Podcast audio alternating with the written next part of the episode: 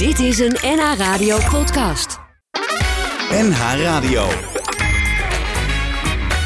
Tekst en uitleg. Jos Heremans. NH Radio.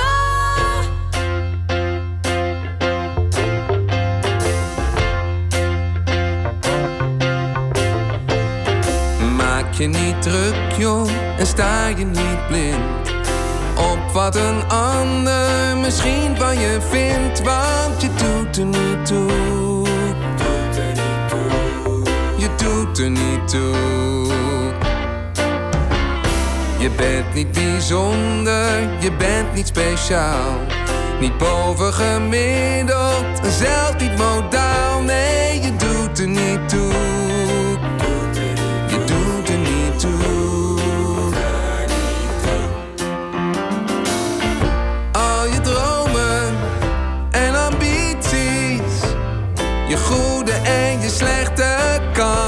Principes en je zelfbeeld.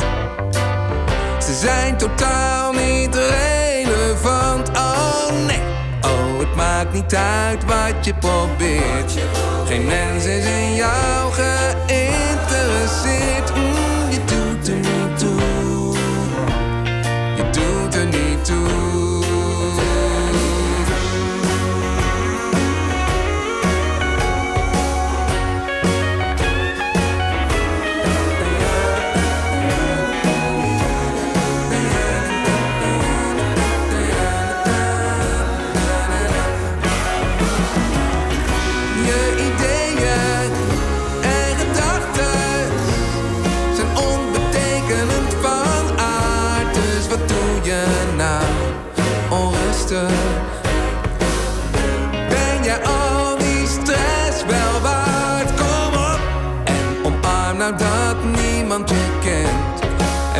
Onbevreesd wie je eigenlijk bent, want je doet er niet toe.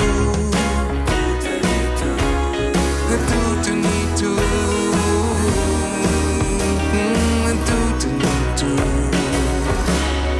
Geef het nou toe. Geef het nou toe. Geef het nou toe.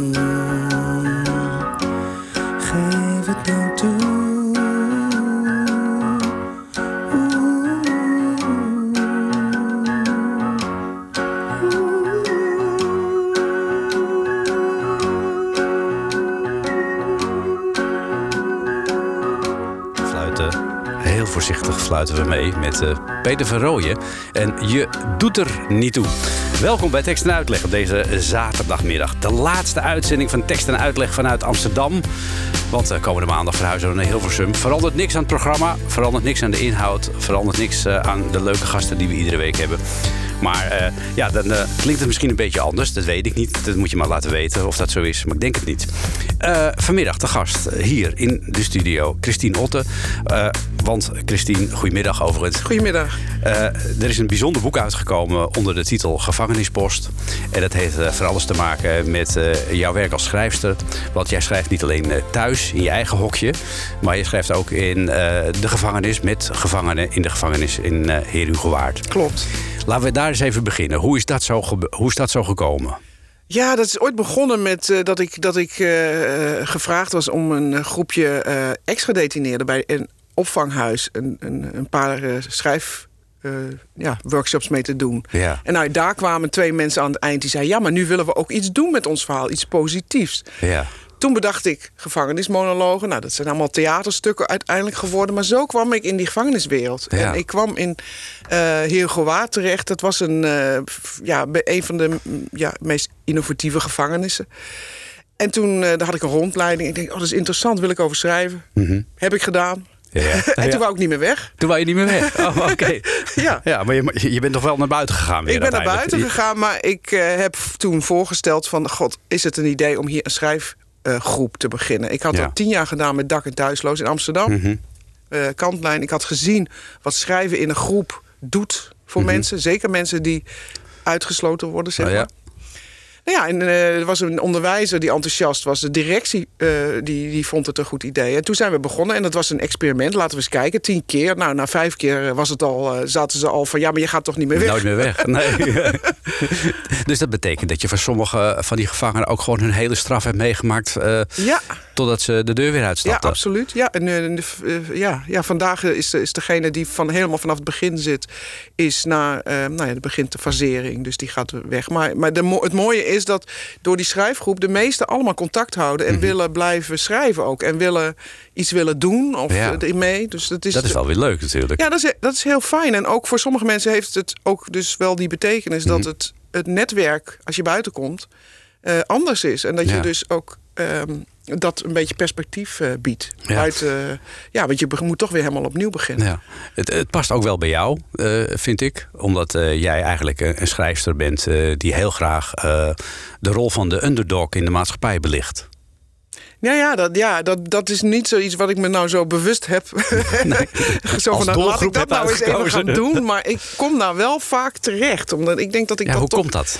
Ja, ik denk dat dat met mijn, mijn achtergrond te maken heeft. Ik, ik, ik kom uit de, zeg mijn, mijn overgrootouders, arbeidersmilieu, maar, maar die waren al eigenlijk al een beetje rebels ook. Mhm. Die waren, hè, dat waren, ik geloof dat mijn overgrootouders al als soort anarchisten waren. Oh, Maar ook, ook, ik denk ook dat ik heb gezien van eh, bij mijn, mijn, mijn, mijn, zeg maar, mijn, mijn vader, die, die, die, kwam uit een zeer arm milieu, die werd heel, heel erg ziek, eh, arbeidsongeschikt, psychisch, die kreeg, kon zich niet ontwikkelen. Ik- ja, dat je hebt gezien van dat zeg maar kansen hebben, eh, dat het niet iets vanzelfsprekend is. Dat je jezelf kan realiseren als mens, dat je daarvoor moet knokken. En ik denk dat ik daar, ja, ik, ik, heb- ik behoor natuurlijk tot de generatie die, die de jaren zeventig kon studeren. De eerste generatie die eigenlijk alles kon. Maar ik, ik was er toch ook wel mee behept met een soort van, ja, hoe zeg je dat? Het, het gevoel van dat ik er heel hard voor moest knokken. ja, je schrijft in je boek ook dat je je heel erg eh, zorg hebt gemaakt en gezorgd hebt ook voor je vader en je moeder.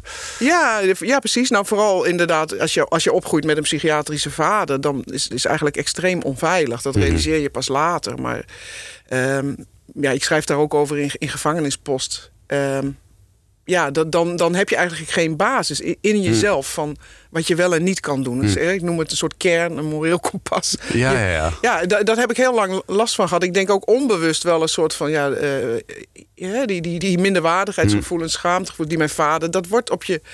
Ik denk dat ik dat om heb gezet in extreem hard werken en, en eh, maar ook eh, die betrokkenheid en, en, en dat ik me fijn voel bij mensen die weten dat er in het leven niet altijd mee zit en dat je dat je dat je die eh, eh, dat, ja als je het nou hebt over de gevangenis, als je ziet hoe weinig er nodig is om daar zeg maar eh, positiviteit, talent, goede dingen aan te boren, dan ja, dat is e- extreem motiverend. Nou ja, dat kan ik me voorstellen. Wanneer had jij voor jezelf het idee dat je er vooruit dorst te komen van ik ben een schrijver? Nou, eh, eigenlijk, kijk, ik, ik, ik, ik, door dat gekke harde wer- werken, ik wou natuurlijk ook bewijzen dat ik niet gek was of zo. Ja, Zoals be- mijn ja, vader. be- bewijs was ik heel jong, werkte ik bij Vrij Nederland. Ik Ja. was begin twintig, dus ik, ik, ik had mijn droombaan be- be- bereikt, zeg maar. Omdat ik nooit mijzelf als literair schrijver zag. Dus zag je meer als journalist? ja, dat was al heel ho- hoog in mijn. Ja. Toen ik daar burn-out raakte, zoals eigenlijk een beetje vergelijkbaar met mensen nu in die redacties. Want dat was natuurlijk vroeger ook dat soort Dat is keiharde. een enorme hoge druk. Ja, hoe, hoe was dat bij Vrij Nederland? Ko- daar, komen, daar komen ook wel eens verhalen naar buiten over de onvoorspelbare Rinus Ferdinandussen en Rudy Kagi. Nou ja, daar, daar heb ik natuurlijk wel. Ik kwam daar en het was mijn eerste werkomgeving. En dat was extreem. eh, ja, aan de ene kant, ik had Joop van Tijn als eh, baas. En aan de ene kant weet je echt, je kreeg de beste leermeesters. Alles. En je werd je, alle kansen. Maar het was ook keihard. Je moest keihard werken. En op het moment, eh, ik herinner mij dat ik, dat ik eh, Joop van Tijn had bedacht dat ik zijn op, nou, nou ja, dat ik parlementair verslaggever zou worden. Ik Ja. en, ik- en dat was echt helemaal niks voor mij. Ik, ik werd daar niet gelukkig van. Ja, Nee. ik ben natuurlijk ook kunstenaar geworden. Ja. En dat op het moment dat ik dat na afloop van de kabinetsformatie dat ik meeliep, waar, waar ik ook inderdaad werd uitgescholden als loser en dat het niks zou worden door collega's. Hè, dat waar? hadden- Gaat dat zo? Ja, Ja. ja. dat toen wel. Ja. En, maar gelukkig zei ik wat terug. Oké. Dat, dat snap ik niet hoe ik dat durfde toen, maar dat heb ik wel gedaan. En toen, maar toen ik dat zei... Nou, ja, dat had toen- je geleerd, omdat je dat tegen je vader ook hebt gezegd. Ja, nou, ik denk dat ik ja, toch wel onbe- toch ondanks al mijn onzekerheden destijds en twijfels aan mezelf ook heel sterk was Hmm. uiteindelijk. Toch wel eind- ei- ei- uiteindelijk wel, eh, ja, toch wel heel sterk was. Nou ja, dus toen bij, bij Vrij Nederland toen, ja, als je niet. Als ik, ik was dan ondankbaar omdat ik dat niet wilde, dat ik iets anders wilde. Ja, ja, dan zoek, zoek je het maar uit. En toen ben ik ook ziek geworden. Maar ik werd natuurlijk ook ziek omdat ik gewoon veel te hard werkte. En Ja. vanwege mijn eigen achtergrond. Dus ik Ja. wilde het niet allemaal op Vrij Nederlands schrijven. schrijven. Ik heb daar ongelooflijk veel geleerd. Ik ben er heel dankbaar voor. Het was wel een mannenbolwerk in die tijd. Ja, hè? heel erg. Heel erg. En nou, nou, nou eh, ik ben ook opgegroeid met, met een oudere broers met mannen. Dus ik heb daar niet zoveel moeite mee. Hm. Maar ja, nee, maar ik, ik, toen van de week met al die over die de wereld Oh, draait door, oh, ja, toen- kwam dat wel terug. En eh, ik dacht, ja, dat Ik- is het. Dat, natuurlijk, dat vond je allemaal normaal. Ja, maar ik denk dat veel mensen dat hebben. Dat er voor heel veel mensen eh, herkenningspunten zijn in het verhaal dat in de Volkskrant stond. Het was, eh, er er waren er zoveel getuigen. Maar ik denk dat er bij iedereen wel een soort van herkenning zit van ja, ergens aan het begin van je carrière met name maak je dat soort dingen mee. Ja, want je wil heel graag, je bent super ambitieus en, en je denkt dat, eh, nou, je bent inderdaad ook ontzettend dankbaar dat je dat mag doen. En, Ja. Ja, en een beetje, een beetje hard is niet zo erg, vind ik. Nee. Maar het moet wel een soort tough love zijn. Nou ja, je, je moet eh, in ieder geval eh, de ruimte krijgen om fouten te kunnen maken. En ik denk dat het daar af en Ja. toe wel eens aan ontbreekt. Ja, ja. Goed, met deze stichtelijke woorden gaan we naar uh, Huub van der Lubbe en de Dijk. Eh, Als het leven gaat is een tekst die ook in het boek eh, Gevangenispost voorkomt. We gaan het er daarna over hebben en hoe dat allemaal precies in elkaar zit. Maar hier eerst de Dijk.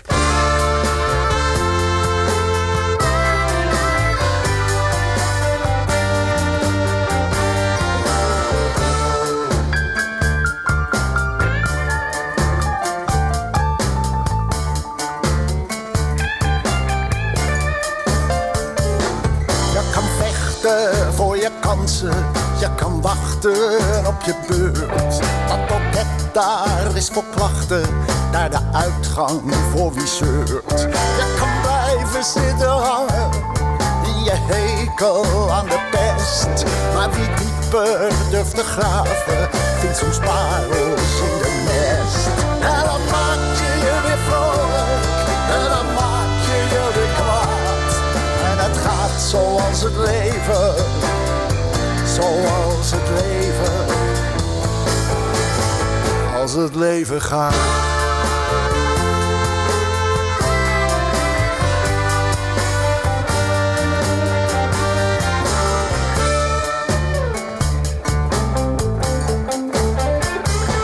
Kan dat allemaal niet anders?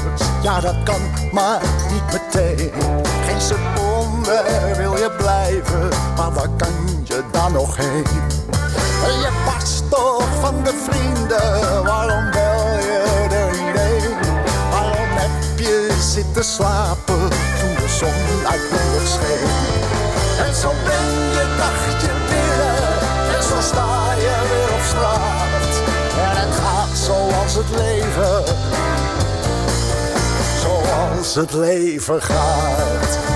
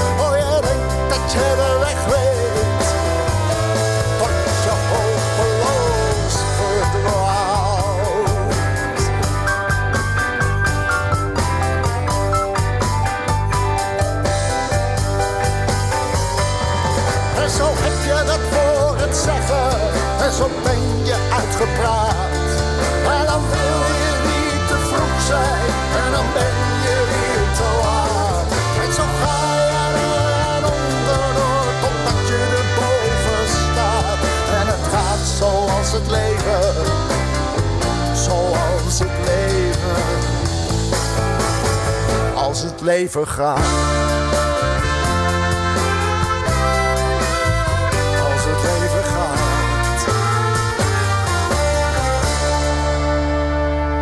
De Dijk met Als het leven gaat. Eh, tekst is van Huub van der Lubbe.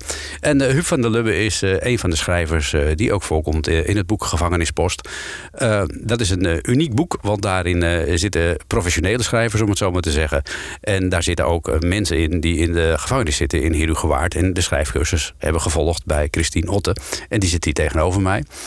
Christine, hoe is het idee ontstaan om schrijvers die het eh, tot hun vak hebben gemaakt in contact te brengen met, eh, ja, hoe, hoe moet ik ze noemen, zondagschrijvers? Nee, ik zou het zeggen, wij noemen wat ik altijd zeg schrijvers in detentie. Want er zit, het is gewoon aspirant schrijvers, en, maar schrijvers in detentie. Want we zien elkaar.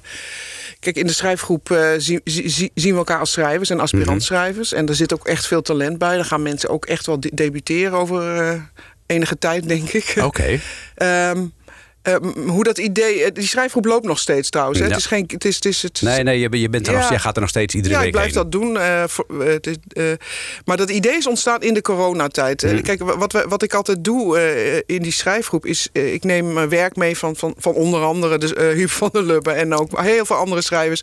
Eh, eh, en dan bedenken we een thema en dat kan van alles zijn. Hè, wraak, eh, moed, moed en angst, naar familie, weet ik wat. En dan eh, we gaan associëren en schrijven daar eh, ter plekke. En dat wordt voorgelezen. En dan hebben we. Ja, dan, dan, dan hebben we schrijftips en, en wat beter kan. En, en het onderwerp wordt besproken. En dat is allemaal heel, heel heftig vaak en heel mooi.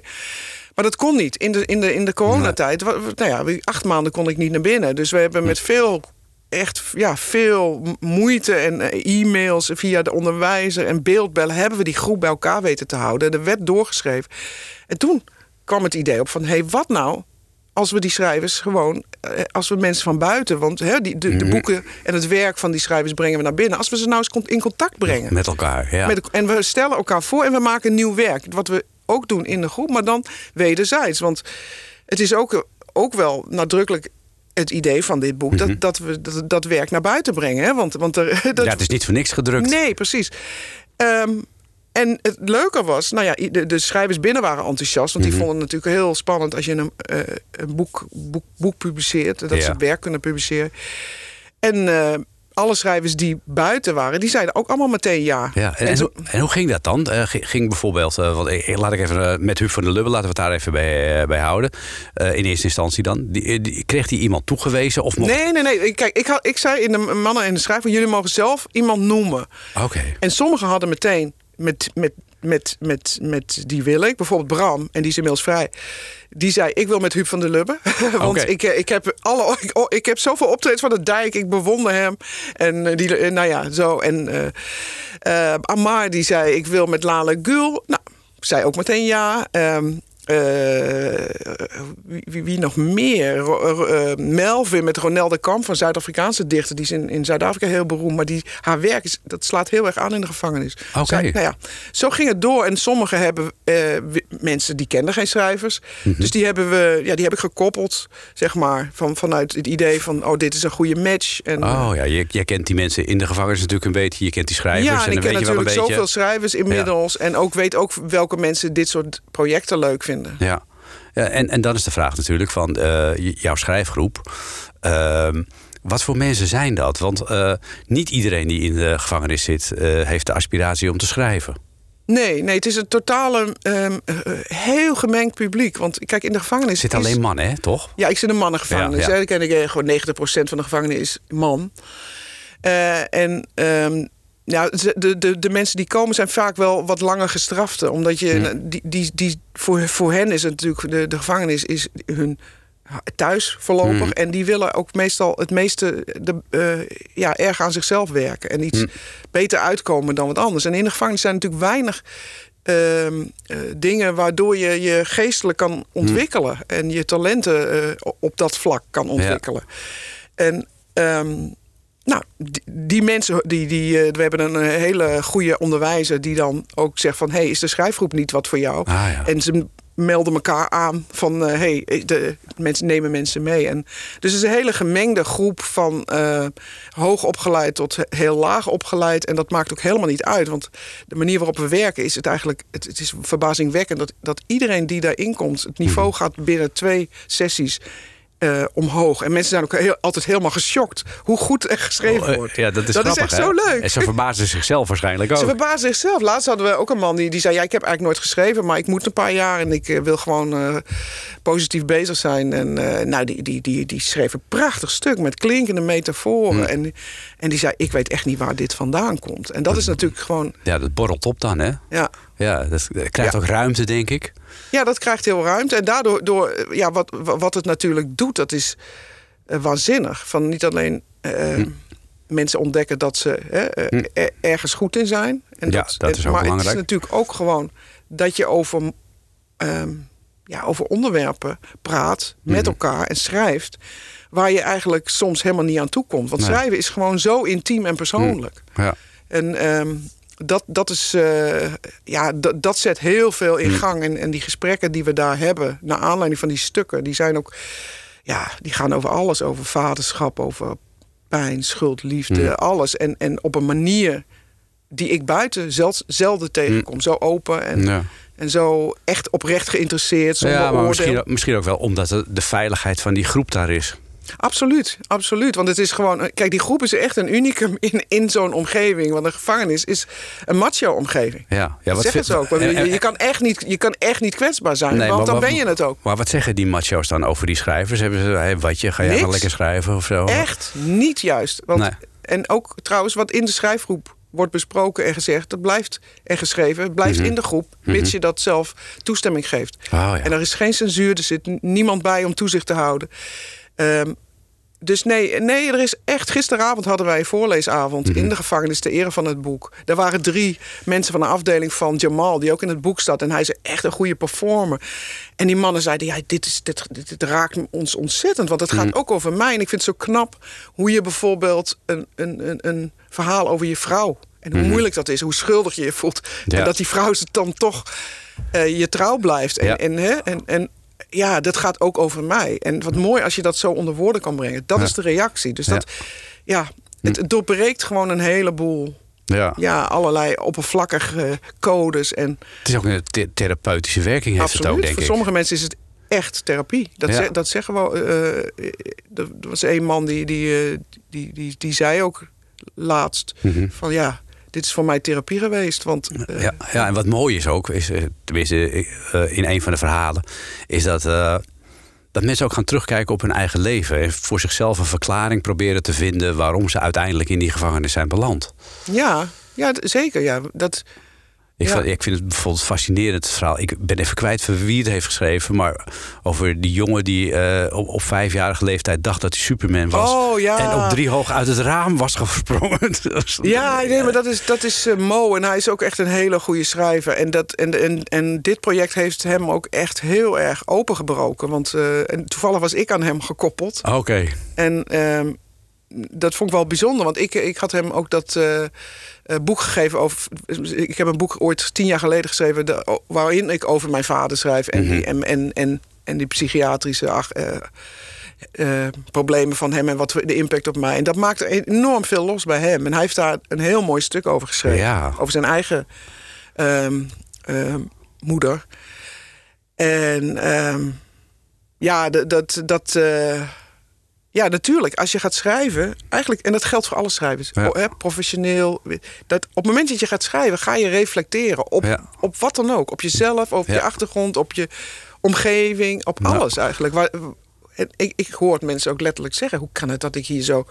hoe kan het dat ik hier terecht ben gekomen? Ja, ik had de- alles. Ja, ja, maar er zijn er ook bij die kunnen. Hè, want, eh, dat, om even door te gaan met die Mo, hoe die dat beschrijft bijvoorbeeld. Dat hij s'nachts eh, de huiskamer in komt en dat zijn moeder daar eigenlijk ja, in een soort schizofrene situatie zit te breien. En dat hij denkt van. Dat hij totaal geen contact heeft. Dat lijkt me heel angstaanjagend als kind. Ja, het is heel ang- angstaanjagend. En het mooie vind ik van dat stuk dat hij eigenlijk geen eh, verklaring geeft. Want hij, hij zegt van Nee. het heeft helemaal. eh, eh, Hij neemt zelf de verantwoordelijkheid. Dat vind ik mooi. Maar het, het, het feit dat je gaat reflecteren en dat je. Het mooie vind ik van wat, wat hij doet in zijn stuk. Dat hij echt ook geen. oor- Ja, hoe zeg je dat? Het is, hij kiest eigenlijk vanuit zichzelf een hele mooie literaire vorm. Ja. Om het te vertellen. Zonder. Het is heel sec. Het is, heel gewoon- sec, het is waardoor een, je als, als relaas le- echt. Precies, waardoor je als lezer kun je die emoties voelen. En, en ik vind dat dus, dat kom ik dus heel vaak tegen. Dat, dat schrijvers Hmm. gewoon een, eh, gewoon zo, oud, zo goed weten op te schrijven. Terwijl ze bijvoorbeeld soms helemaal niks hebben gelezen. Ja. Dus dat, dat, dat, ja. Ja, dat is ook heel moeilijk, want dat schrijft Huub van der Lubbe ook. Van ja, ik, eh, ik, ik kan niet beschrijven hoe het is om in de gevangenis te zitten. Want ik kan er wel over schrijven, maar ik kan het nooit ervaren. Ik kan, Nee. kan nooit dat gevoel. Nee, van- dat, dat is, vond ik heel mooi bij dus het stuk van Huub ook. Dat hij gewoon, het is eigenlijk een soort mijmering over vrijheid en onvrijheid op een hele persoonlijke manier. En, Hm. en Huub is, is echt zo'n ongelooflijk empathische, warme man. Hij kwam op zijn vrije dag met zijn kleinzoon bij mij aan de waar? deur om een boek te brengen. Hier voor Bram. Zo, Ach, wat aardig. En dat doet zoveel voor mensen binnen. Van, Ja. want, want ze hebben toch, dat, dat, toch vaak het gevoel van, ja, eh, eh, ja, dat, dat, Nou ja, dat ze dat niet verdienen of zo. Of dat, Ja. ze niet meer, dat je je mond niet meer mag opentrekken. Dat je niet meer mag... Hè, dat, dat, nou ja, dat, dat, is je, wat er- dat je er niet meer toe doet eigenlijk. Dat je er niet meer toe doet. En dat je er ook vooral niet... Dat je je recht om je te uiten, om Mhm. mee te praten, verspeeld hebt. Omdat je ooit iets gedaan hebt wat eh, echt niet kon. En ik denk dat dat eh, niet hoeft. Want ik denk dat we eh, ja, het allemaal in ons leven... ja, soms, soms gaat het gewoon helemaal mis. Hm. En, maar je verdient wel een tweede kans. Ja. We gaan naar een brief uit de gevangenis van Kempy. En daarna praten we verder over eh, het boek eh, Gevangenispost. Eh, dat is samengesteld door Christine Otte. waarbij schrijvers gekoppeld Met zijn. de redactie binnen, hè, met Bram Precies, en Frank. met Bram en Frank. Van, van binnenuit de, de penitentiaire inrichting in Herugewaard. Om het maar heel keurig netjes te, te zeggen. Maar we gaan eerst naar Kempy. Dit is mijn brief vanuit de gevangenis. Man is bang, mama, ik ben bang voor niks. Ik kom van de groot EDM en Ik zag pimpers en hoes dikke stek stellen. Bij ons thuis was de stress van het niks hebben. Ik zag Jason alles hebben van het wit slengen. APC, Abdul, crack slangs op de hoek van de kerkstraat. Ik wou setjes en een ketting dragen. Jaren later was de ketting en een strap draag. Ja, shit. En de popo die deed ons beest. Want we draaiden op mensen die beesten. Geen schaamte, waarom zou ik? Je oordeelt over mij alsof mijn leven voor jou is. Het was mijn maag die borrelde, mama die struggelde. De dealer was de rolmodel, dus ik ging hosselen. Omringd door mensen die arm waren, junks in de familie. Je man is met strafbladen, moeders aan de drank. Verwaarloosde kids, ik zeg je eerlijk, man, leven was een bitch, wat het nog steeds is. Zoveel slechte memories in mijn hoofd, vandaar dat ik weer hier. Ik pak mijn pen en papier schrijf een brief. Jij schrijft je een brief vanuit de chiller. Zoveel slechte memories in mijn hoofd, vandaar dat ik weer hier ook. Ik pak mijn pen en papier en ik schrijf een brief. Jij beschrijft mijn verdriet vanuit de chiller. Dit is mijn brief vanuit de gevangenis. Ik belde mama gisteren, zei zoon, ik kan niet meer. In real life liep je hard, zolang ik remember. Chillen is de 85% van die we kennen. Shit was erg, geen leugens. Welke lijn die ik rap is op de kinderen die ik heb. Kom van struggle en pijn. Verkocht beest aan familie en matties die zaten aan de pijp. Ik heb mannen gejoekt, want tijden waren vloes. Vader vergeef mij, Zijn werd gejoekt, nu ben ik Zijn kwijt. Zoveel cellen gezien op jonge leeftijd. Shit. En Popo deed ons beesten, want we draaiden op mensen die beesten. Ja, Popo deed ons als beesten, want we draaiden op mensen die beesten. Zoveel slechte memories in mij hoofd, vandaar dat ik weer hier ook. Ik pak mijn pen en papier en ik schrijf me brief. Jij schrijft je een brief vanuit de chiller. Zoveel slechte memories in mij hoofd, vandaar dat ik weer hier ook. Ik pak mijn pen en papier en ik schrijf me brief. Jij beschrijft mijn verdriet vanuit de chiller. Dit is mijn brief vanuit de gevangenis. Leven hard op ons maakt de nigga heartless. Niggas worden G'd up van de feet up. We dealen met struggles terwijl we drugs dealen. Pop op de hielen, maar sinds Emilia. We kijken op naar rappers, willen clips om te schieten. Fuck. Dit is voor een ieder die niks had en ieder die niks heeft. Ik voel je pijn, geloof mij, we leven. Terwijl we soms liever dood zijn. Geen aspirine kan ons helpen voor de hoofdpijn. En niemand begrijpt ons of weet waarom we zo zijn. De duivel misleidt ons makkelijk omdat we broke zijn. En toch zien ze ons als beesten. Als zijn we Gods kinderen en broeders van Jezus. En toch zien ze ons als beesten. Als zijn we Gods kinderen en broeders van Jezus. Zoveel slechte memories in mij hoofd. Vandaar dat ik weer hier ook. Ik pak mijn pen en papier en ik schrijf me een brief. Jij schrijft je een brief vanuit de chiller. Zoveel slechte memories in mij hoofd. Vandaar dat pak mijn pen en papier en ik schrijf mijn brief. Jij beschrijft mijn verdriet vanuit de chillen. Dat was Campy met de brief uit de gevangenis in eh, tekst en uitleg op deze eh, zaterdagmiddag.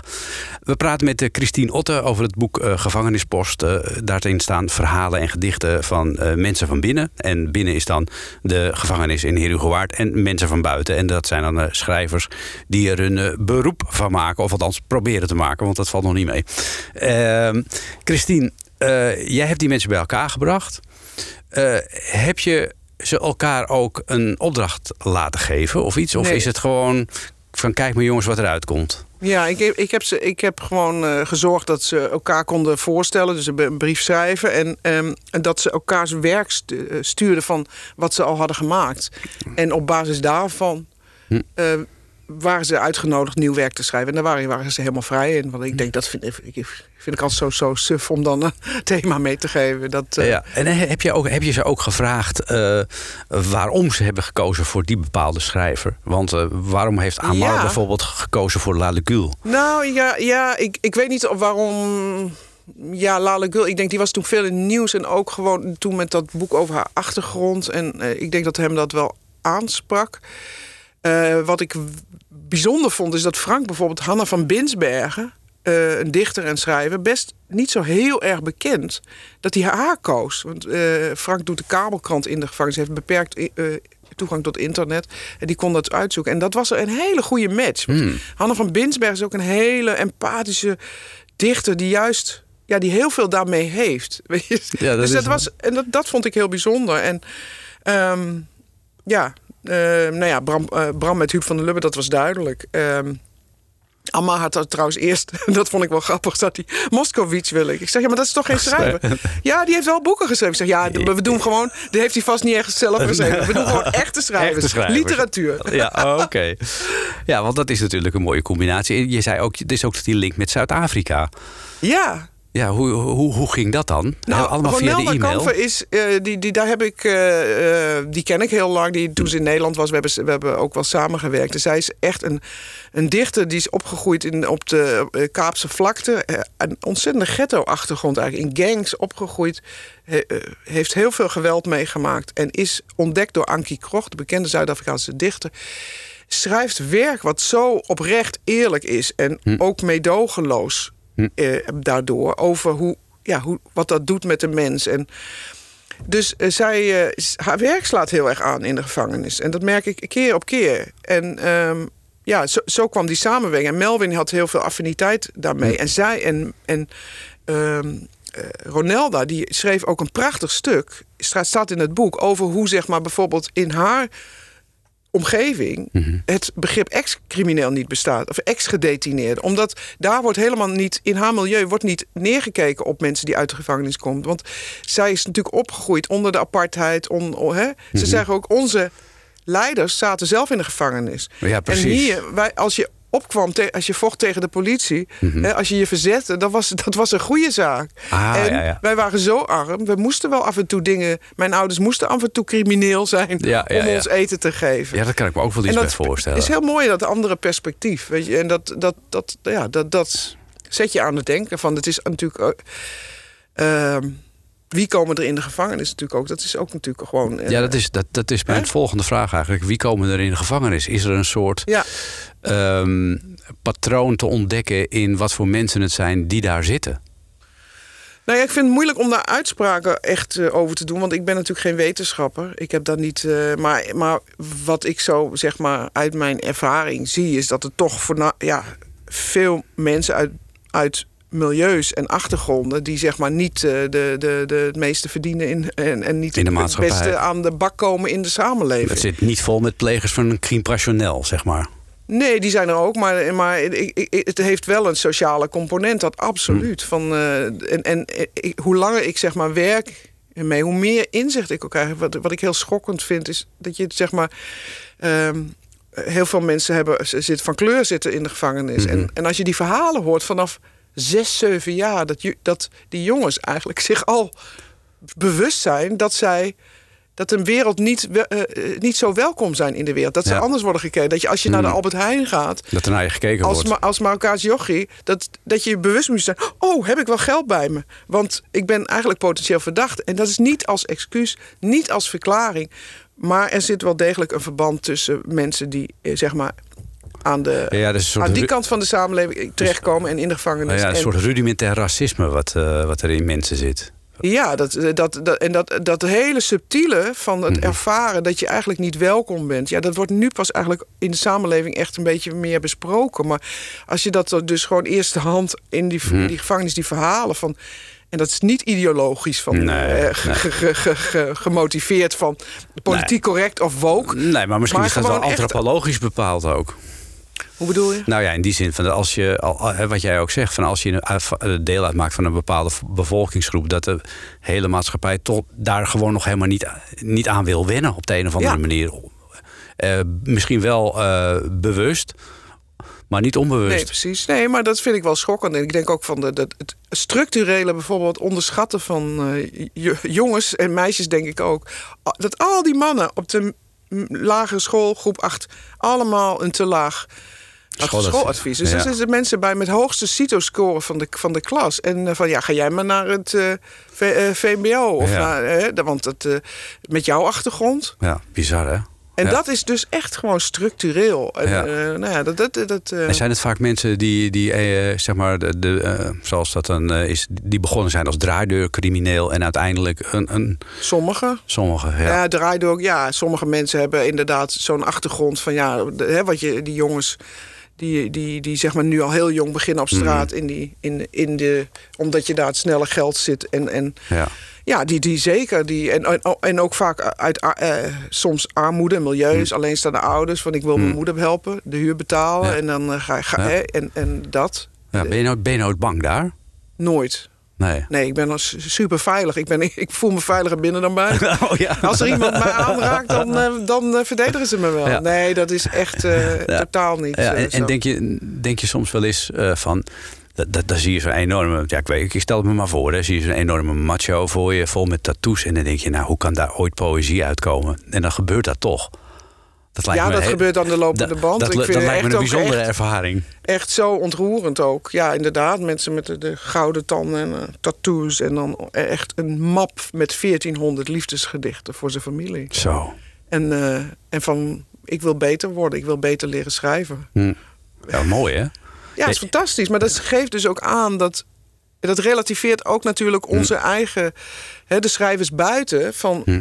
hè, die het dan wel is gelukt om, om schrijver te worden, daarvan te leven, daarvoor erkenning te krijgen. Dat dat natuurlijk niet alleen maar je persoonlijke verdienste altijd is. Nee, het heeft ook te maken met de kansen die je krijgt in een leven. En dus daarom is het ook zo belangrijk dat we die andere verhalen horen. En dat Ja. we dat mengen, denk ik. Ja, er zijn ook grote dichters in Nederland die, die een moord hebben gepleegd en daarna gelauwerd werden. Ja, precies, precies. Maar ik, ik, denk, ik denk dat dat ook heel belangrijk is. Want we hebben natuurlijk zo'n zo'n beetje een archaïs beeld van de kunstenaar, het genie wat wordt geboren en dan ontwikkelen. En, dat, en dan komt het, het, het talent drijft vanzelf al boven. Maar ja, dat, dat, we, we weten dat dat niet automatisch zo is. Dat zie je ook alleen al bij de achterstelling van vrouwen. Ja, dat is ook weer waar, ja. En dan zit jij notabene in die gevangenis. Dus Ja. al die mannen. Ja, Zijn er ook, eh, zijn er ook eh, mannen die naar vrouwengevangenissen gaan? nee, dat mag niet. Volgens Oh, dat mag niet. dat, dan, dat dan niet. Nee, nee, dat is wel echt gescheiden. je hebt volgens mij in Zwolle heb je een gevangenis waar een vrouw- en een mannenafdeling zit. Oh, oké. Maar, maar wel in gescheiden vleugels. Ja, absoluut. Oh, ja. ja. Goed. Eh, zover is de emancipatie nog niet. Dat, dat, nou, dat kan ook misschien helemaal niet bij elkaar in praktische zin. Ja, dat is, dat is een goede vraag. Ik heb daar geen antwoord op. Nee, ik eigenlijk ook niet. Ja. Goed, eh, laten we terug gaan. Misschien zou het wel. eh, het zou het misschien wel eh, heilzaam zijn om de macho-sfeer een beetje tegen te gaan. Maar ja. Ja. het is misschien ook weer onveilig. Ik weet Ja, het niet. Nee, nee, ik weet het ook Ik niet. weet het is een, een, een een moeilijke heel kwestie. Dat- dat- ja, daar zijn we nog niet uit. Eh, laten we even eh, teruggaan naar de onschuldige tijd van Gerrit Dekzeil.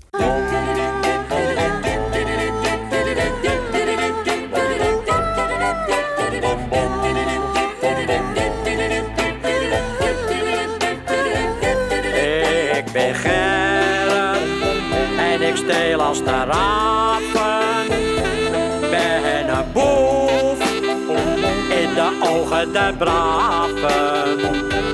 Maar wat moet je nou als je niks hebt? In deze wereld waar je steeds wordt genept.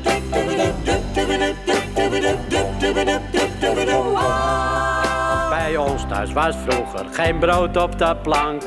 Moeder kon dat niet betalen. Mijn vader ging dood, ja dat kwam door de drank. Ik liep door de straten te dwalen. De bakker die keek niet, die pikte een brood. En heb dat mijn moeder gegeven. Het was wel gestolen, maar het smaakte ons goed. Zo zijn we in leven gebleven.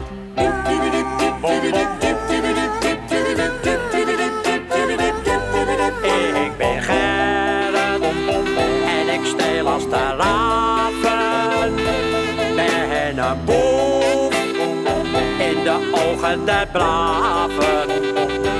Maar wat moet je nou als je niks hebt? In deze wereld waar je steeds wordt genept.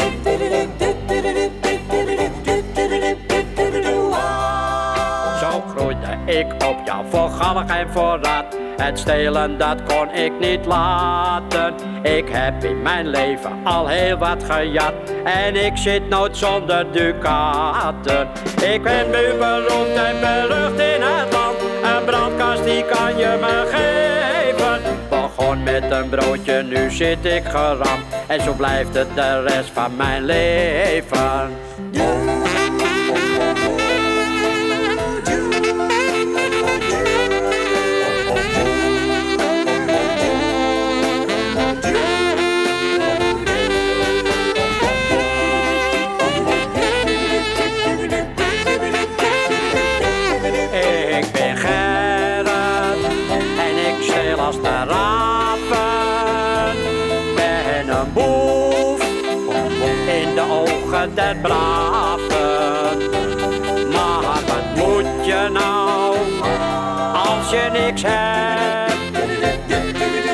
Deze wereld waar je steeds wordt genept. Ik ben Gerrit. Eh, dat zeiden al, Gerrit, dat je Gerrit was. Eh, ik ben Gerrit en eh, ja, dat was het uit het oeuvre van Wim T. Schippers uit een ver verleden. Toen dieven nog heel opvallend altijd de pet droeg, volgens mij. En heel stereotyp waren. Eh, in de gevangenis eh, komt, eh, in Heerhugowaard komt Christine onder Otte regelmatig om schrijverscursussen te geven aan gedetineerden. Die hebben heel veel dingen geschreven, zowel poëzie als proza. Was daar nog een verschil in, Christine? Eh, de, de proza-types en de poëzie-types? Nee, maar ik denk dat mensen beginnen vaak... eh, ja, nee, dat, de, mensen schrijven meestal alles door elkaar. Gewoon alle Oh. genres wel. En eh, poëzie is wel vaak... omdat we natuurlijk in zo'n workshop... die duurt twee uur, schrijf je een half uur... dat, hè, dat is poëzie vaak... dan kan je iets afgeronds maken. Maar ehm, nou ja, wat ik al zei, Mo bijvoorbeeld... is echt, echt proza heeft hij ontdekt. En die is eh, bezig aan een boek. En, Hm. ja, ehm, dat, dat ja, gaat ook uitkomen? Wat zeg je? Dat gaat ook uitkomen. Eh, ja, voorlopig, eh, hij werkt er gewoon, hij neemt zijn tijd en hij wil het ook pas doen als hij, als hij buiten is. Ja. Dat duurt nog even. Die, dat, duurt, nog- dat, duurt, nog- dat weet jij ja, dan maar weer. hij- dat, nee, dat weet ik. Ja, nee, maar hij, hij wil gewoon echt iets heel moois maken en hij, Hm. en hij neemt de tijd en hij, het is ook gewoon zijn eigen ontwikkeling. Hm. En, Dus ja, hij heeft gelijk. En, en als je, je kan beter een boek publiceren als je buiten bent, toch? Ja. Dan, Zijn er vergelijkbare projecten als wat jij doet eh, in Herugewaard? Eh gebeurt het Nou ook in andere gevangenissen? Wij, eh, dat is, hebben we ook gedaan. Eigenlijk de afgelopen jaar in coronatijd een stichting opgericht, Bloknoot. En, Goeie naam. Ja, zeker. Ik heb het samen met Noortje Kessels en, en eh, eh, eh, mensen die uit de, deel, uit de schrijfgroep al buiten waren. Ja. Galil, gedaan om dit, ja, om dit in meer in PI's te doen. En inmiddels zitten we in Vught, in Lelystad en Veenhuizen. En dat doen eh, collega-schrijvers en die leiden we dan op. Met samen, Khalil en ik, die, die, die trainen de mensen. En eh, ja, dat is fantastisch om Ja. te merken. Dus het is een soort inktvlek die zich Het langzaam uitspreidt Ja, er is het gewoon zoveel behoefte aan. En, Ja. en, en in die groepen gebeurt het precies hetzelfde als in onze groep. Ja. Gebeurt het in het buitenland eigenlijk ook? Is dit al, Ja, ja, ja, ja? Kijk, dat is het gekke. Want in Nederland is- loopt een beetje achter. Als je in Amerika bijvoorbeeld, Ja. daar doet PEN, de organisatie van schrijvers, die, die heeft daar allemaal van dat soort projecten. En ik denk, omdat Amerika is natuurlijk het systeem veel harder. Mhm. En daar weet je dat de staat niks doet voor je. Dus Mhm. daar, daar is veel meer privé-initiatief op dit vlak. Ah, zo. Maar in Nederland, wij, wij denken altijd, ja, het is allemaal wel goed geregeld. Maar dat, dat is natuurlijk eigenlijk niet zo. We hebben juist Mhm. eh, dit, dit soort initiatieven buitenstaanders nodig. Want ik, kijk, ik ben niet van justitie. Ik, ik, ik kom- daar als een gelijkwaardig persoon. Ja, ik kom- ben er niet uit om mensen te veranderen of te verbeteren. Als ze dat willen, dan gebeurt het vanzelf wel voor Ja, zichzelf. ja. Als het nodig is. En, eh, en dat is het, denk ik, het geheim van het succes. Die veiligheid. En, en dat het gaat echt om dat je dat voor jezelf doet. En dat het om ja, het is geen, ja, het is geen hulpverleningsprogramma. Het is geen hulpverleningsprogramma en het is, eh, ja, je be- weet je, want het is heel naar. eh, een, een- een van de mensen zei wel, ja, ik voel me soms net een auto die uit elkaar gehaald moet worden en dan weer in elkaar en dan is die goed gerepareerd. Mhm. Ach. En dat is niet fijn, weet je. Je wil, je wil. Je bent je al zo bewust van, ik mag niet meer, ik, ben, ik, ben, ik word gestraft. Ik ben, hè, dat, Hm. De meeste mensen vinden dat ze dat ook verdienen. En dan, als je, ja, als je niet uitkijkt, ga je gelo- ge- geloven dat je ook niks meer waard bent. Ja. En, eh, en, maar daar heb je mensen nodig van buiten die, die zeg maar, die, ja, waar je eh, aan, aan, aan dingen kunt gaan werken waar je straks weer wat aan hebt. Want je komt weer buiten. En we willen toch ook dat mensen eh, weer productief zijn en, en positief in de samenleving staan. En niet gefrustreerd en boos en, en, en, en negatief. Dus en dat, ja, dat, doet, dat doet dit. Ja, ja, Echt, absoluut. echt buiten verwachtingen. Dat vind ik ontzettend mooi dat je er zo weinig voor nodig hebt. Pen en papier. Ja, En, en en, gaat het- literatuur en een schrijver van buiten. Want ik denk dat geeft ook een soort cachet aan die schrijver. ja, en dan gaat het vanzelf lopen. Ja, die contacten. Dat, Ja. Dat, eh, ja, precies. En, en ik mo- moet zeggen, dat is inderdaad bij gevangenisdirecties begint dat ook gewoon. eh, Die, die, de mensen, degene die nu die schrijfgroepen ehm, eh, accepteren eh, Hm. of a- aanmoedigen, zeg maar. Dat, dat is heel fijn, want die Hm. zien ook, ja, die willen dat ook. Ja. Is bij jou ook het een en ander losgemaakt, eh, lezen we in het boek. Dingen waar je e- eerder niet over schreef, eh, schrijf je nu wel over. Heb je nu ook al over geschreven? Hoe, hoe kwam dat zo?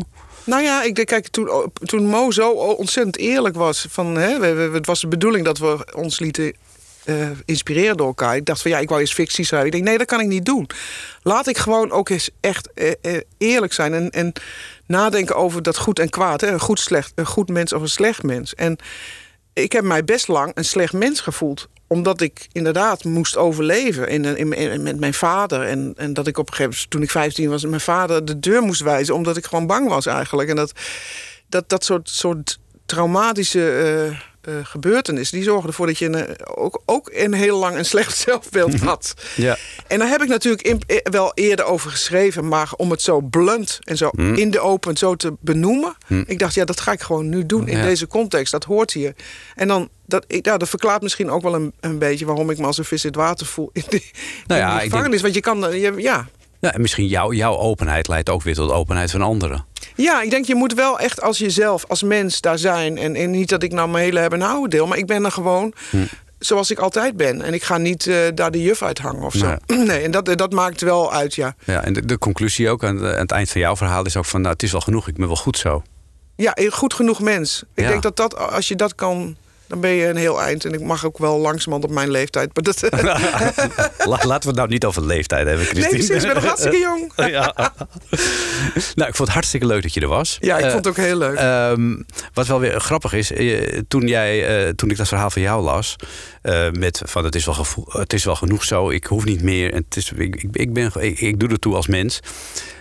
Toen hoorde ik het volgende nummer van eh, Wende, haar nieuwe single. Die heet ook Het is genoeg. En dat heeft eigenlijk een beetje dezelfde strekking. Mm. Laten we die eh, tot besluit eh, ja, mooi. nu laten Wende is horen. geweldig, ja. En ik wens je nog heel veel succes met jouw werk in de gevangenis. Ja, dankjewel. En, maar ook daarbuiten. Ja, Staat en er het ook boek nog- is overal te verkrijgen. Overal te verkrijgen. Het heet Gevangenispost. is uitgegeven door uitgeverij De Geus. Staan er nieuwe boeken ook nog op programma buiten dit project? Ja, ik, ben, ik werk aan een roman en ik denk dat die in de tweede helft van volgend jaar uitkomt. Spreek ik je dan weer. Hartstikke leuk, Dankjewel. dankjewel. Het is genoeg, meer dan genoeg, dit tranendal. Controledwang, de generaal, het zwart of wit. De kleuter op de achterbank, de afhaaljunk, dominatrix, de twijfelaar, flipperbal. Ben ik lelijk, ben ik dik, bang dat ik alles missen zal. Gifparade, sabotage, maskerade, en façade. Ben eruit, ik wil eruit. Het is klaar, blok die ruis. Ik wil naar huis, ik wil naar buiten. Klachtenbank, terrorist, treurwilg, fundamentalist. Het is klaar, het is jij of ik. Het is goed, het is genoeg. Ik ben meer dan goed genoeg. Het is goed, meer dan genoeg. Ik ben meer dan goed genoeg. Het is goed, het is genoeg. Ik ben meer dan goed genoeg. Het is goed, meer dan genoeg. Ik ben meer dan goed genoeg. Uit de kast, op mijn tong. Alles likt en alles golft van het vuurwerk dat ik vond. Ik ben ja in al mijn vezels. Ik weet hoe mijn kruis te dragen. Ik breek schakels en obstakels. Ik weet hoe ik goud kan maken. Ken de klappen van de zweep, maar ik ben niet kapot te krijgen. Al mijn lessen zijn geslepen. Ik weet waar mijn schip naartoe moet drijven. Ik ben mijn eigen wichelroede. Maak parfum van alle pijn. En ik slaap niet tot ik mijn zin.